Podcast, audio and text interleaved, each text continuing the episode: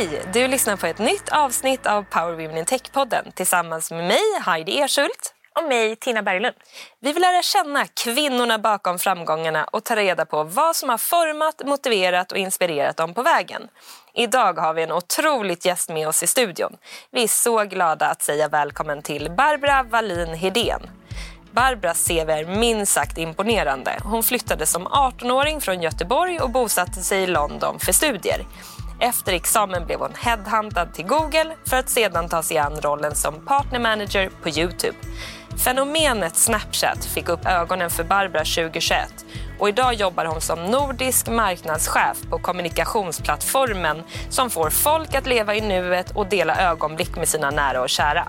Vi är så glada att ha dig här, Barbara. Tusen tack, kul att vara här. Ja, nej men alltså, du har en sån otroligt imponerande karriärresa som vi vill höra allt om. Men först, innan vi ska dyka ner i de frågorna, då vill vi veta eh, vad är din längsta snapstreak som du har haft? Oj, alltså den mest nyliga längsta snapstreaken, ja, men den är nog inte superimponerande, men den var nog kanske 40-50 dagar, något sånt där med en, en väldigt nära kollega faktiskt. Mm. Mm. Men man var, jag vet ju att många imponerar med flera tusen Ja. dagar. Det är liksom dedication. Ja, ja. Mm. Det blir mycket avbrott eh, på helgerna och sånt där också när man inte snappar med kollegor. Men hon står mig väldigt nära och vi snappar mycket. Mm. Och när vi ändå liksom är inne på det här, liksom Snapchat och liknande. Vad heter du på, på Snapchat? Har du haft några berömda liksom, alias som vi bör lyfta? Ja, det, det, det är faktiskt en väldigt rolig fråga. För att när jag skulle börja jobba på Snapchat så hade jag kvar mitt användarnamn från när jag gjorde mitt konto på, på ja, det måste varit 2012 eller något sånt där. Och det var ju lite pinsamt för då hade man ju liksom skapat det från ett användarperspektiv och så skulle man plötsligt vara anställd då och då passade det inte längre att heta Barbie WH eller något sånt som, som jag hade döpt mig till. Men å andra sidan vill jag inte börja jobba och inte ha någon historik på kontot. Nej. Eh, Och på den tiden fick man inte då byta användarnamn. Men nu får man det. Så nu, nu för tiden heter jag bara Barbara Hedén. Men eh, jag har ju gått dragandes med det här Barbie-smeknamnet. Så ganska du hade det ett tag medan du Ja, jobbade också jag hade på det. Och det var ganska pinsamt. Men, Fick du frågan när du var liksom i rekryteringsprocessen? Har du Snapchat? nej, men jag var nästan så att jag tänkte att om de får reda på att jag heter Barbie kanske inte alls blir bra. Nej men jo, det var nog en del av rekryteringsprocessen om man använde Snapchat eller om man har använt det eh, själv. Men det var inte så svårt för mig att svara på för jag har varit en stor användare Ah, av. Snapchat. Ja. Men hänger Barbie kvar nu? Liksom, säger folk det till dig? Eller är det så bara, nej men det är Barbara? Det är nog bara privat faktiskt som folk kallar mig det ibland. Men eh, nu, nu har vi lite mer professionellt användarnamn. Yes. Men om vi blickar tillbaka lite längre Mm. i historien. Eh, vem skulle du säga att 15-åriga Barbara var? Ja, men det är så bra fråga verkligen. Ehm, Jag tror att var, alltså jag har nog alltid varit eh, liksom lite sådär tänkande eller väldigt liksom eh, egen eller vad man ska säga. Jag, 15-åriga Barbara var nog mycket mer, eh, hade mycket sämre självtillit och mycket, jag var nog väldigt osäker på var jag skulle landa i livet och vad jag ville göra och jag, ja, jag hade nog lite svårt att liksom veta vad jag var bra på och sådär. Eh, så jag skulle säga att eh, 15-åriga Barbara var väldigt sökande. Jag var inte så där vansinnigt eh, duktig i skolan. Jag var inte heller värdelös, men jag var, jag var inte toppresterande. Ehm, och jag var väldigt, jag tyckte att jag tyckte att Göteborg kändes, liksom i den bubblan jag levde i, väldigt litet och väldigt... Jag kommer från en väldigt stor familj, så jag var väldigt liksom... Man är alltid syster till någon eller dotter till någon. Alltså man var aldrig riktigt sin egen och jag, jag var nog väldigt nyfiken på att liksom hitta mitt eget och eh, bli en egen person. Eh, så därför var jag väldigt tidigt sugen på att flytta utomlands och utforska lite mer eh, vem jag var och vad jag ville göra och sådär. Så jag skulle nog säga lite, väldigt sökande och eh, mycket osäker. Kunde 15-åriga Barbara drömma om att vara där du är idag? Alltså fanns det drömmar? Eller liksom hur... Mm. Kanske inte sådär karriärsmässigt. Jag vet inte om jag var så fokuserad på liksom att så här, oh, jag vill göra karriär. Typ. Utan mer kanske att så här, just det här med att, och, och hitta vem jag var i den här stora familjen och, och vad, jag, vad jag skulle bli. Eh, fanns det nog mycket drömmar om att jag skulle hitta något eget. Liksom. Jag har också väldigt liksom, duktiga föräldrar och det gör ju också att man lite kan, kan bli så här ja, men i, i vår familj så blir man detta eller detta. Eller det, liksom, det finns mycket spår eller man vill bli lika duktig som sina föräldrar. Eh, och då, då, jag tror att eh, det fanns nog drömmar om att i alla fall hitta någonting som passade mig eftersom att jag inte kände mig som den här typiska eh, toppresterande personen så fanns det nog drömmar om att ändå hitta någonting som var kanske mer kreativt, mer eh, lämpat för min personlighet. Men jag tror inte att jag hade några tankar kring liksom, att landa där jag är idag. Det, det visste jag nog inte att det skulle vara möjligt eller att jag skulle eh, ja, hitta den vägen. Liksom. Mm. Får man fråga vad dina föräldrar gör? Just för att du har nämnt dem. Ja, nej men de, eller de väldigt blandad kompott men väldigt liksom eh, men, eh, jurist och, och, ekonomi. Alltså de har väldigt liksom eh, ja, bra utbildningar, bra jobb. Alltså de hade väldigt liksom tydliga eh, roller och, och eh, har kommit långt i sina karriärer och det formar en ju alltid som barn att man tänker på något sätt att man vill eh, också lyckas men man måste hitta det som funkar för en själv typ, mm. tror jag. Jag tänker också att det är väldigt så här, tydliga karriärbanor. Alltså någon, jurist i alla fall. Att så här, det finns tydliga steg. Och det Exakt. kanske vi inte riktigt gör när man jobbar inom marknad eller liksom mer kreativa yrken. Nej men precis. Mm. och jag har alltid inspirerats mycket av min mamma. Hon var med och startade Friskis och Svettis. Och mm. har varit väldigt drivande på, under hela sin karriär och jobbade mycket när jag var liten. Och, och sådär. Och, och, hon har alltid inspirerat mig jättemycket. Men det är, det är ju också liksom, eh, en inspiration men också såklart man måste liksom, om man också vill göra någonting häftigt själv så får man hitta det man själv är bra på. Liksom. Mm. Men absolut, eh, marknad är, marknadsföring är ju en bransch som också har förändrats väldigt mycket. Alltså det kanske, speciellt med performance marketing så går det ju mer mot att du blir ju mycket mer som marknadsförare en del av säljet och en del av att driva affären på bolag. Och det är, det är ju bara väldigt, väldigt roligt men då får du kombinera det här affärsmässiga med det kreativa väldigt mycket, vilket mm. passar mig ganska bra.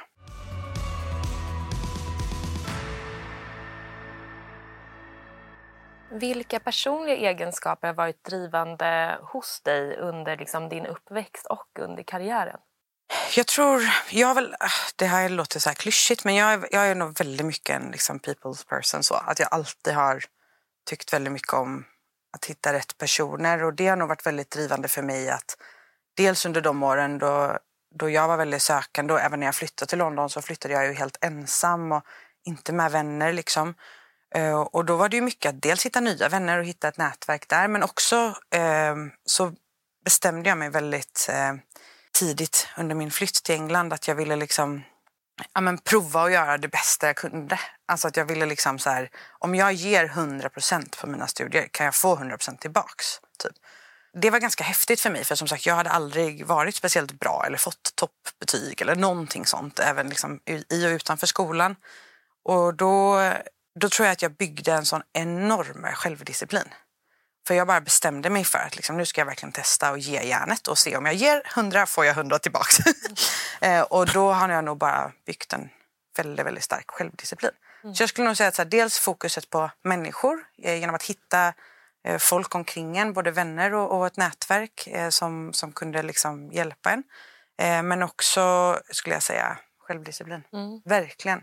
Att vara, liksom, vara snäll mot sig själv men också veta att liksom, om jag lägger de här timmarna så får jag det här tillbaka. Och även med träning, med kost, med allting. Mm. Så jag tror disciplin och även det här med relationer och, och ömhet och snällhet och sådär. Men då blir man ju såklart nyfiken. Sen. Nu när du gav då 100 procent, ja. fick du 100 procent tillbaka? Ja, det var så häftigt.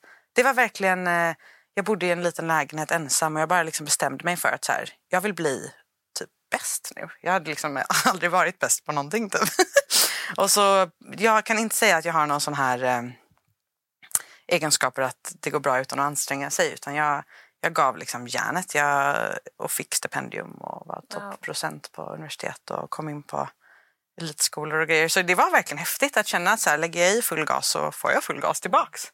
Och det, för det hade aldrig varit någonting för mig liksom, som jag kände till innan. Och det byggde en väldigt stor disciplin hos mig att veta att så här, de här timmarna gör jag det här och sen är jag fri. Alltså att jag, ja, jag har nog väldigt stor självdisciplin. Mm. Tror jag. Kommer du ihåg första liksom, tillfället när du just det, du säger att du känt dig osäker och kanske inte tillräckligt bra på någonting. Kommer du ihåg det moment, momentet när du kände att så här, men jag är bäst på det här, eller jag är bra. Kommer du ihåg vad det var för någonting? Det var nog för mig när jag började på universitetet. Det verkligen, då släppte någonting för mig. Det, det var nog en av de här första liksom, eh, inlämningar eller något sånt där när man fick liksom ett A och man kände att så här, wow, okej, okay, typ, jag kan göra det här om jag verkligen bara eh, pushar. Det tror jag.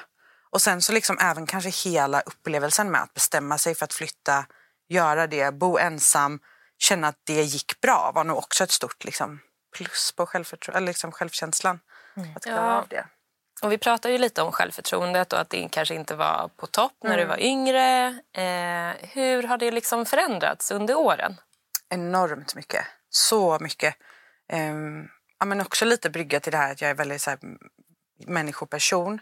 Att jag har också varit väldigt beroende av andra, andras eh, bekräftelse. Och, liksom, eh, och det har släppt väldigt mycket med åren. Och det är säkert en åldersfråga också å andra sidan. Men det har förändrats jättemycket. Jag tror jag att lyckas med grejer som man vill lyckas med. Och det handlar ju inte om att ha tur eller flax utan bara man bestämmer sig att det här vill jag göra riktigt bra.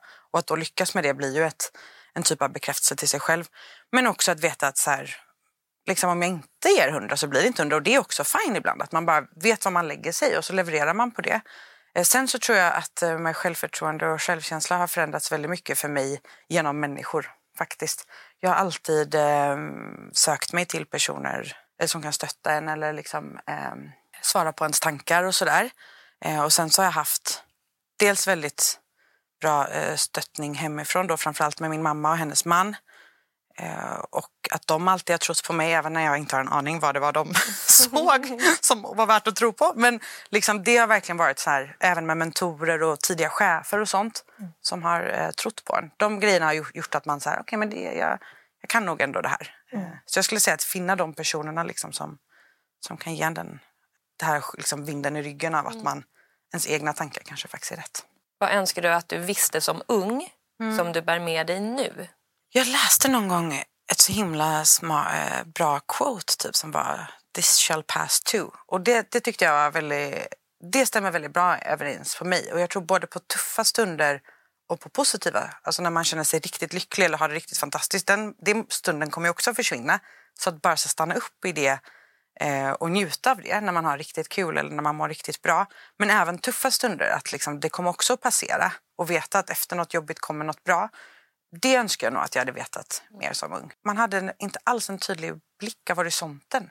Man tänkte liksom bara att när någonting var jobbigt så var det liksom förskräckligt. Och när någonting, alltså det var, det var liksom, man fick ingen helhetsperspektiv. Men nu tror jag ändå att så här, jag önskar att jag hade sett det. Att så här, ja, men om, det om någonting är tufft nu, det kommer också passera. Var du snäll mot dig själv när du bodde i London? När du liksom gick in 100 procent? Ja, det var jag nog. Ja, faktiskt. Fast väldigt sådär, väldigt bestämd mot mig själv tror jag. Att liksom så här, nu, nu sätter du dig och gör det här. Men, men eh, snäll absolut, för att jag, jag var så förvånad över att jag lyckades med saker. Så jag, så jag var nog väldigt bara glad över att... Du måste ha varit så stolt ville. över dig själv. Ja, ja men det var jag nog faktiskt. Men eh, ja, nej, lite bestämd.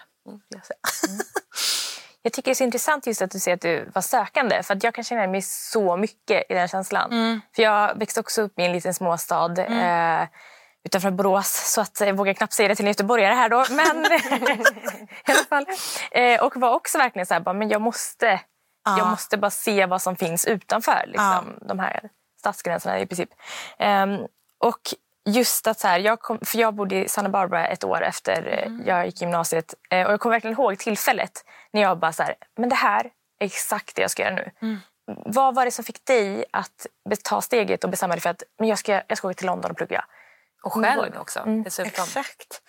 Det var nog, eh, vi hade eh, familjevänner i England som vi hade besökt eh, mycket och liksom, jag tror att det var dels att jag typ, vi var där och liksom spenderade mycket tid där med dem. Och då kände jag nog bara att jag verkligen trivdes i den här multikulturella miljön. Och inte det här kanske mer uniforma eller vad man ska säga som, som jag upplevde att jag hade på, i Göteborg som inte är en småstad. men eh, men jag, jag tror att jag trivdes extremt bra i den här multikulturella miljön och liksom med olika synsätt och mer diversifierat, eh, folk från olika bakgrund. Och, så det var nog liksom lite spiken i kistan för mig att det här vill jag ha mer av. Eh, vi hade liksom lagt mycket tid där. Och, så jag började redan i, under mina gymnasieår så började jag researcha vad jag skulle göra. Så jag hade redan bestämt mig när jag gick i tredje ring att, att jag skulle flytta till London. Så det var nog kulturen och liksom människorna som var lite det som styrde det för mig. Och vad är, vad är dina bästa minnen från, från London-tiden? Ja, det låter nästan, det låter nästan knappt, men att jag, jag var så himla mycket själv typ. Alltså att bara så här, eh, alltså lite så här gå runt och upptäcka och, och få göra precis det man ville när man ville och liksom vara i en helt ny plats. Vara, eh, vara bara Barbara. Inte vara liksom någons syskon eller någons barn eller någon, utan bara så här, det var jag. Liksom. Bara gå runt och, och upptäcka saker och hitta nya områden. Det är nog mina bästa minnen. Eh, och att liksom de jobbiga minnena i det var ju lite strukturen i att bygga ett liv. Typ att hitta de skolorna man skulle gå på. Hela ansökningsprocesserna i England är ju fasansfullt långa och komplicerade och man ska skriva olika ja, men cover letters och hit och dit. Och det var ju inte speciellt kul men det var också en häftig del av det. Eh, som att liksom få så här, gå igenom alla universitet och upptäcka vilken skola jag ville gå på, vilken kurs jag ville gå och liksom alla sådana grejer. Så jag tror hela den här upptäckarfasen är nog mitt eh, finaste minne. Kanske faktiskt. där du hittade dig till fullo själv liksom också. Exakt, ja, men jag tror lite det. Eh, att få bygga sin egen, eh, lilla, sitt egna lilla universum typ. Mm. Fint. Men du började med att plugga eh, och sedan så blev du headhuntad till Google i Dublin. Mm. Eh, vill du berätta lite mer om den erfarenheten? Vi... Ja, men jag gjorde ju min eh, master på Imperial College i London som är, det är en väldigt prestigefull skola, väldigt svårt att komma in och, och jag skulle vilja säga att motsvarigheten kanske i Sverige är väl KTH, det är en tekniskt universitet. Och jag hade nog, i, i min kurs så var alla väldigt liksom drivna av vart de skulle efteråt. Det var, folk började söka samma dag som programmet började till olika mm. konsultroller och det var techbolag. Och, och jag var igen lite i så här, ja vad ska jag göra? Jag, jag, jag ville nog väl gärna jobba på ett startup tänkte jag. Gärna något liksom syftesdrivet. Eh, så jag tänkte något health tech-app, gärna med bara få personer och betalt var alltså liksom en bra lön var inte alls viktigt. Jag tänkte bara att jag vill hitta något som känns eh, ja, liksom litet och, och spännande. Sådär. Så jag hade inga stora ambitioner. Jag hade inte, eh, alltså för att komma till ett techbolag då, eller stort techbolag. Jag hade inte sökt på några jobb egentligen. Det var jättefånigt under hela året för att alla andra gjorde det. Och sen på, precis på sluttampen av min master eh, så fick jag eh, ett mejl eh, från en kille som heter Robin som sen senare faktiskt blev min mentor också.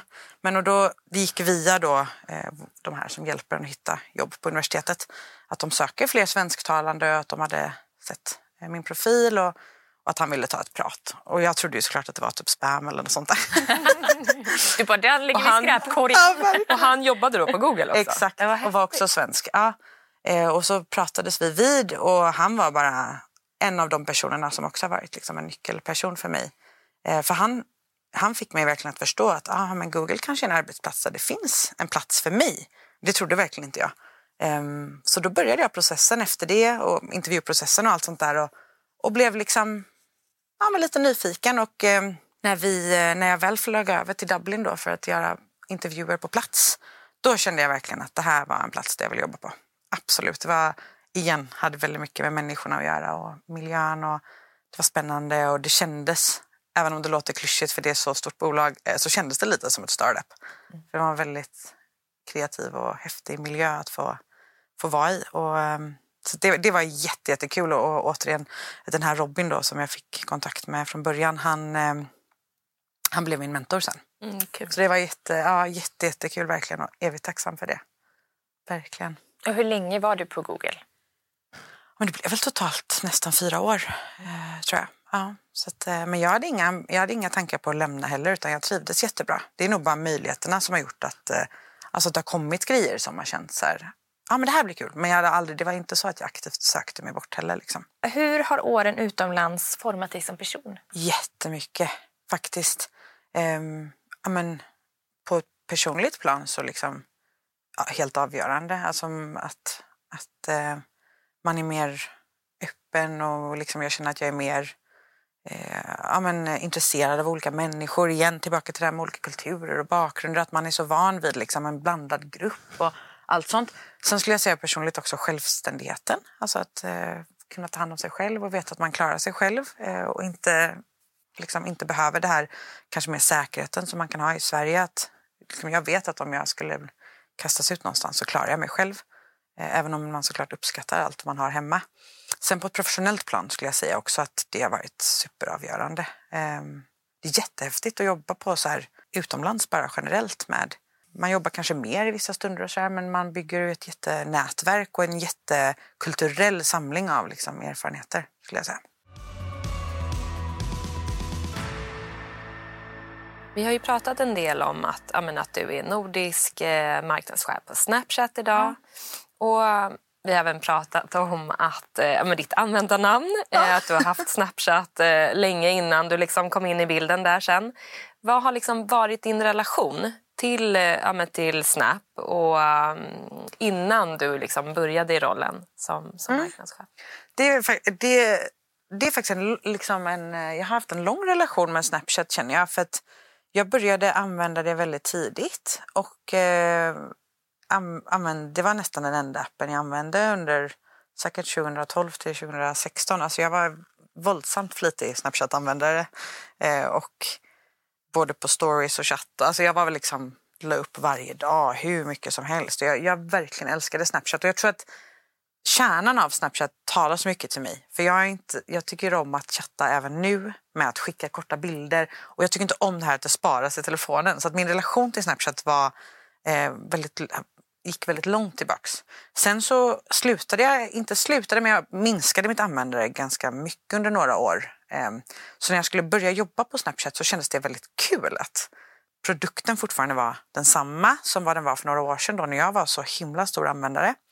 Ehm, och att liksom kärnan finns kvar. och Att jag kunde eh, gå in i någonting som jag hade älskat att använda så mycket själv. Och det är ju egentligen ganska fantastiskt att få marknadsföra en produkt som jag har använt själv så mycket. Mm. Eh, så det var, det var ett kärt återseende skulle jag säga. Mm, ja, härligt. Mm. Och vad var det som lockade med Snapchat? Du jobbade på Google, stort bolag. Mm. Exakt. Mycket. Alltså, ja, men som jag sa i början också, jag tycker väldigt mycket om det kreativa. Ehm, och kombinationen av liksom affärsmässigt och kreativt passar mig väldigt bra har jag hittat. Jag skulle säga Snapchat är eh, som den mest kreativa hubben liksom inom eh, techbranschen med teknik och, och, färg och form och AR och allt där. Eh, så för mig var det liksom bara, det lockade så mycket med eh, att, att det är liksom en app, det möjliggör den här relationen mellan nära och kära på ett precis som att man sitter och har en konversation in real life men virtuellt. Eh, och att den är så mycket mer personlig än hur vi chattar på andra plan och, mycket mer kreativt. Så det lockade jättemycket och sen såklart saker som, det går inte att undvika, men saker som appens tillväxt. Um, att vi har så många användare i, globalt, det är nu över 750 miljoner användare. I Sverige så når vi ju över 4 miljoner användare så att jag skulle säga att de sakerna är också såklart drivande att, att hoppa på någonting som är så um, men som har sån räckvidd och sån, sån liksom användarbas. Sen är ju också Snapchat eh, rankat som ett av världens mest innovativa bolag och det tyckte jag var jättekul att få vara en del av. Idag är ju du nordisk marknadschef. Vad är liksom den viktigaste kärnan i din, i din roll idag? Men när jag började på Snapchat så var jag ju svensk marknadschef. Eh, och eh, då var det väldigt mycket liksom fokus för mig att Alltså all, de allra flesta vet ju vad Snapchat är. Så väldigt mycket av det vi gör är ju inte alltid riktat mot användare. För att de, där har vi en väldigt hälsosam tillväxt på liksom 20 year on year eller så med användare. Jag skulle säga att Ehm, det viktiga var egentligen att eh, marknadsföra och fokusera på vad bolag kan göra med Snapchat och hur företag kan använda Snapchat för att växa. Sen byttes ju min roll, eller liksom blev befordrad till nordisk marknadschef förra året. Och då har det varit väldigt mycket fokus på att liksom förstå de olika nordiska marknaderna som faktiskt skiljer sig ganska mycket åt. Det är väldigt hög användarpenetration i alla länder i Norden. Men eh, Danmark är för oss en mer ny marknad från ett affärsperspektiv där vi har öppnat kontor nyligen. Sverige har vi haft ganska länge men Norge är ju eh, Snapchat den mest använda appen, eh, liksom, eh, kommunikationsappen. Så jag vi når över 70 procent av befolkningen där. Och, eh, så det är liksom olika dynamiker på varje marknad vilket är jättekul. Så nu är det väldigt mycket att liksom fokusera på hur vi kan hitta likheter mellan de olika länderna och, och streamlina eller vad man ska säga. Men också att, eh, att göra liksom unika initiativ på varje marknad. Men som svar på frågan så skulle jag säga att det största fokuset och det största för mig är att få företag att förstå varför Snapchat är unikt till andra. Ja. Och det kan du ju kanske också förklara då. Ja, men exakt. Vad så... kan liksom ett företag, eh, hur, hur kan man nyttja Snapchat på bästa sätt? största och liksom enklaste delen för bolag är att gå in i med annonsering. Och där, där blir vi ju väldigt ofta jämförda mot plattformar som Instagram eller TikTok. Eller, och det är också mitt jobb att liksom skifta det fokuset lite grann. För att vi är ju en kommunikationsplattform. Vi är ju inte en liksom, social media-plattform där du lägger upp bilder på ditt liv nödvändigtvis. Utan vi är ju en, en plattform där du pratar med nära och kära. Och då kanske egentligen vi snarare skulle jämföras mot Messenger, Whatsapp och så. Här. För det är ju det är därför man kommer till Snapchat, för att kommunicera. Eh, men på ett mer kreativt sätt då.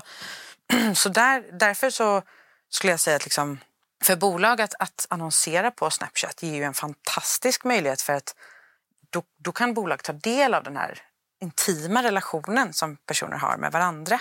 Så till exempel en chatt mellan dig och mig där vi skulle liksom prata om personliga... Eh, liksom, det är ju väldigt intimt versus vad du gör på andra plattformar där du kanske är mer... Ja, där du bara lägger upp innehåll. Eh, och för bolag att kunna tappa in till det, den liksom intima sfären är ju väldigt, väldigt speciellt. Och, och vi har ju sett att användare är mer mottagliga för eh, annonser när man är det mindsetet som Snapchat erbjuder. Och när vi mäter på hur Snapchat får användare att känna sig så svarar 91 procent att Snapchat får dem att känna sig glada.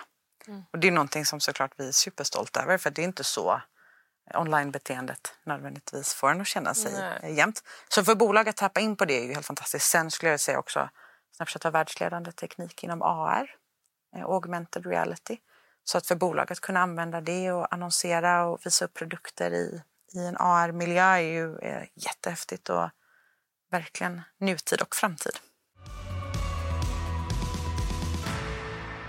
Vilken sorts ledare skulle du säga att du är? Men jag är nog ganska eh, ohierarkisk ledare, om man får säga så. Jag tror jag, jag, jag ser mig själv väldigt mycket som en av teamet liksom, och, och är en av teamet. Jag har inte eh, fokus igen på människorna och att, liksom, att vi är ett starkt team och att alla har samma värde och, och bringa samma, liksom, eller olika kunskap men samma värde till teamet. Så jag skulle säga, jag hoppas att eh, andra skulle beskriva mig som väldigt positiv och väldigt teamfokuserad. Men, eh, men också såklart resultatdriven och där krävs det ju att man har ett jobba med personer och kollegor som har olika kompetenser så att man kan nå resultat och alla komplementerar på olika sätt. Eh, så jag skulle säga väldigt eh, ja, men resultatdriven men absolut fokuserad på att ha folk omkring mig som är duktigare på saker än vad jag är och, och där vi kan komplementera varandra. Du har jobbat på väldigt stora företag och du jobbar på ett väldigt stort företag nu.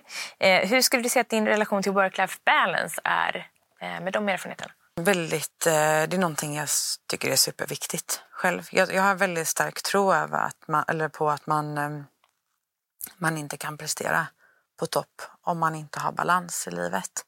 Eh, och sen liksom att ha ett privatliv och grejer som driver en där är så viktigt för att vara sitt bästa jag på jobbet. Så det, jag tror att i de allra flesta bolag och allra flesta roller så kan man jobba hur mycket som helst om man inte sätter gränser. Så för mig är det så viktigt att sätta gränser. Och sen har jag också en, ett personlighetsdrag i att jag inte nödvändigtvis är perfektionist. och det hjälper mig lite för då lägger jag mig ibland på eh, ja, ibland räcker 90 procent. Skönt. Ja. Du kanske får lära mig och Heidi. Ja, verkligen. Det är, ja, det är så jobbigt att vara perfektionist. Ja, eller liksom, för, ibland önskar jag att jag var det, för det är också jobbigt att inte vara det. jag tycker men, att det är skönt att slippa. Ja, men det, men det, är, det är bra för, för mig work-life balance-mässigt. Mm. Att ibland känna att så här, ja, men nu liksom, eh, det här är bra nog. Och vissa gånger så gör man liksom, så kanske det, då måste man göra mer. Men eh, att ibland känna att liksom, nu har jag gjort det jag kan och man måste ha helg och sånt där. Det är det mm. viktigaste. Jättesunt. Eh, men i och med att ni samarbetar mycket med USA så blir det en mm. del kvällsjobb för dig, eller hur? Mm. hur? Kan du berätta lite om det? Hur, hur funkar det? Ibland så har vi det, liksom, möten på, på kvällstid och så här med USA. Och det, jag skulle säga att det, det funkar egentligen ganska bra. Så länge man är inställd på det och eh, man kan liksom ta tillbaka den tiden en annan gång eller man vet liksom att eh, man har andra kvällar som man kan boka upp och göra grejer. Så hitta balansen egentligen är det viktigaste skulle jag säga där. Mm. Eh, men sen så vi har ett jättestarkt team i Europa också. Det, det är också väldigt kul tycker jag att få jobba mot USA. Det är ju, en, det är ju där många techbolag kommer ifrån och kärnmarknaden på många sätt. Så det är jättekul att få prata med kollegor där och höra vad de jobbar på och sånt där. Så det är ingenting jag skulle vilja vara utan heller. Men hur skulle du säga att eh, man möjliggör den sunda syn som du har på work-life balance eh, som chef? Hur, hur får du med det i teamet och till medarbetare?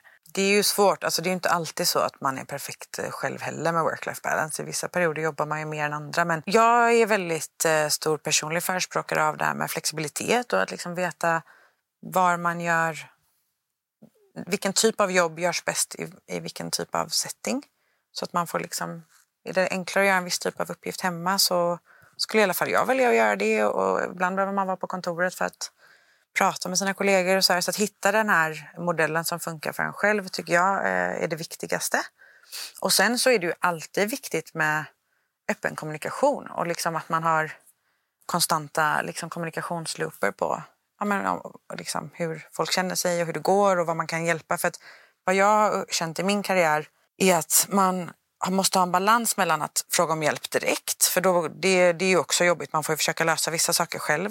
Men att försöka lösa någonting väldigt länge själv också inte nödvändigtvis effektivt heller. Så att ha liksom en konstant kommunikation så att små problem eller små bottlenecks kan lösas väldigt fort tycker jag egentligen är det viktigaste. Ehm, för då, då jobbar man verkligen som ett team och löser problem ihop.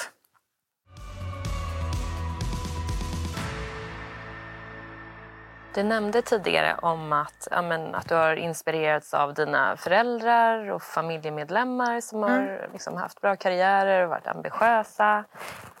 Liksom, vilka personer har varit avgörande i din karriärresa? Så fin fråga verkligen. Och det, det är faktiskt en eh, blandad kompott. Jag skulle säga från liksom att det här som vi pratade om tidigare med tonåren och att man kanske inte var väldigt sökande då Eh, då var det absolut min mamma och hennes man. Att de var så... Eh, jag förstår inte riktigt hur de lyckades med det. För de, de, de med så många, liksom, vi var så många barn och att alla hade olika behov och att de lyckades liksom att säga, ja, men Barbara behöver det här. Och hon kommer blomstra om hon får göra detta. Och så, så. De var verkligen nyckelpersoner för att jag skulle våga testa mig fram och hitta någonting som jag trivdes i. Eh, sen skulle jag nog säga men den här Robin då, som var min mentor eh, som jag träffade först på Google. Och sen fick jag en fantastisk första chef på Google eh, som var också fick mig att tro på mig själv väldigt mycket och eh, var väldigt, lät mig vara mig och, och växa i det. Och sen så träffade jag också min eh, nuvarande sambo på Google. Och vi var kollegor och, och det, han har också varit en nyckelperson i min karriär skulle jag säga. För att nu jobbar vi inte tillsammans längre men, men han, eh, han har också alltid liksom funnits där för mig och jag kan visa osäkerhet framför honom och visa oro mm. medan och då har jag någon att prata med och sen så kan jag liksom ta mer eh, tydliga beslut och vara mer säker på mina beslut när jag har honom vid min sida. Så att han är också en jättestor del. Och sen tror jag mina syskon också såklart. De, eh, vi är väldigt nära och, och är en väldigt tajt liksom grupp vänner nästan. Mm. Så att de alltid har funnits där också och liksom stöttat upp och, och hejat på en och jag har hejat på dem. Alltså att vi har varandra. Så jag skulle säga liksom mycket familj men också tidiga chefer och partner och sånt där. Fint att ha sin lilla hejaklack på sidan. Ja.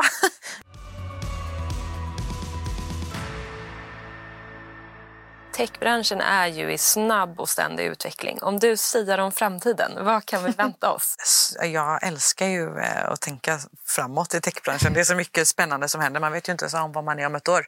Men just nu, det som känns mest kanske hett just nu och som alla tänker på är väl AI, integrationen av AI. Eh, och för oss nu på Snapchat så har vi ju lanserat eh, My AI som man kan chatta med i chatten. Bara en sån grej är ju jättehäftigt. Jag tror att AI på så vis kommer liksom att förändra hela vårt internetbeteende. Vad man söker, hur man finner produkter och hur vi får in AI i vårt vardagsliv. Jag tror att det kommer att ha en jättestor påverkan. Sen så tror jag ju, och det är också en av stora anledningarna som jag nämnde tidigare till varför jag vill jobba på Snapchat. Jag tror ju att augmented reality, alltså på svenska förstärkt verklighet, kommer vara en väldigt stor del av våra liv framöver. Många har ju pratat om metaverse och sådär men personligen så har jag ju en, inte en känsla av att jag vill gå in i en annan värld utan jag vill gärna vara kvar i den världen vi är i. Eh, och att då kunna lägga ett lager data på den världen är ju superhäftigt. Och, ja, men det kan vara allt ifrån att liksom testa klädsprodukter som du kan göra. Sen så har ju fantastiska AR-aktiveringar eh, som vi till exempel har jobbat på som jag tycker är livsförändrande. Till exempel med Dove och Unilever har vi gjort en eh, kampanj där man kan eh, genom AR då lära sig att upptäcka knölar i brösten och sånt där. Jag tror ju verkligen att AR kommer vara en jättestor del av framtiden.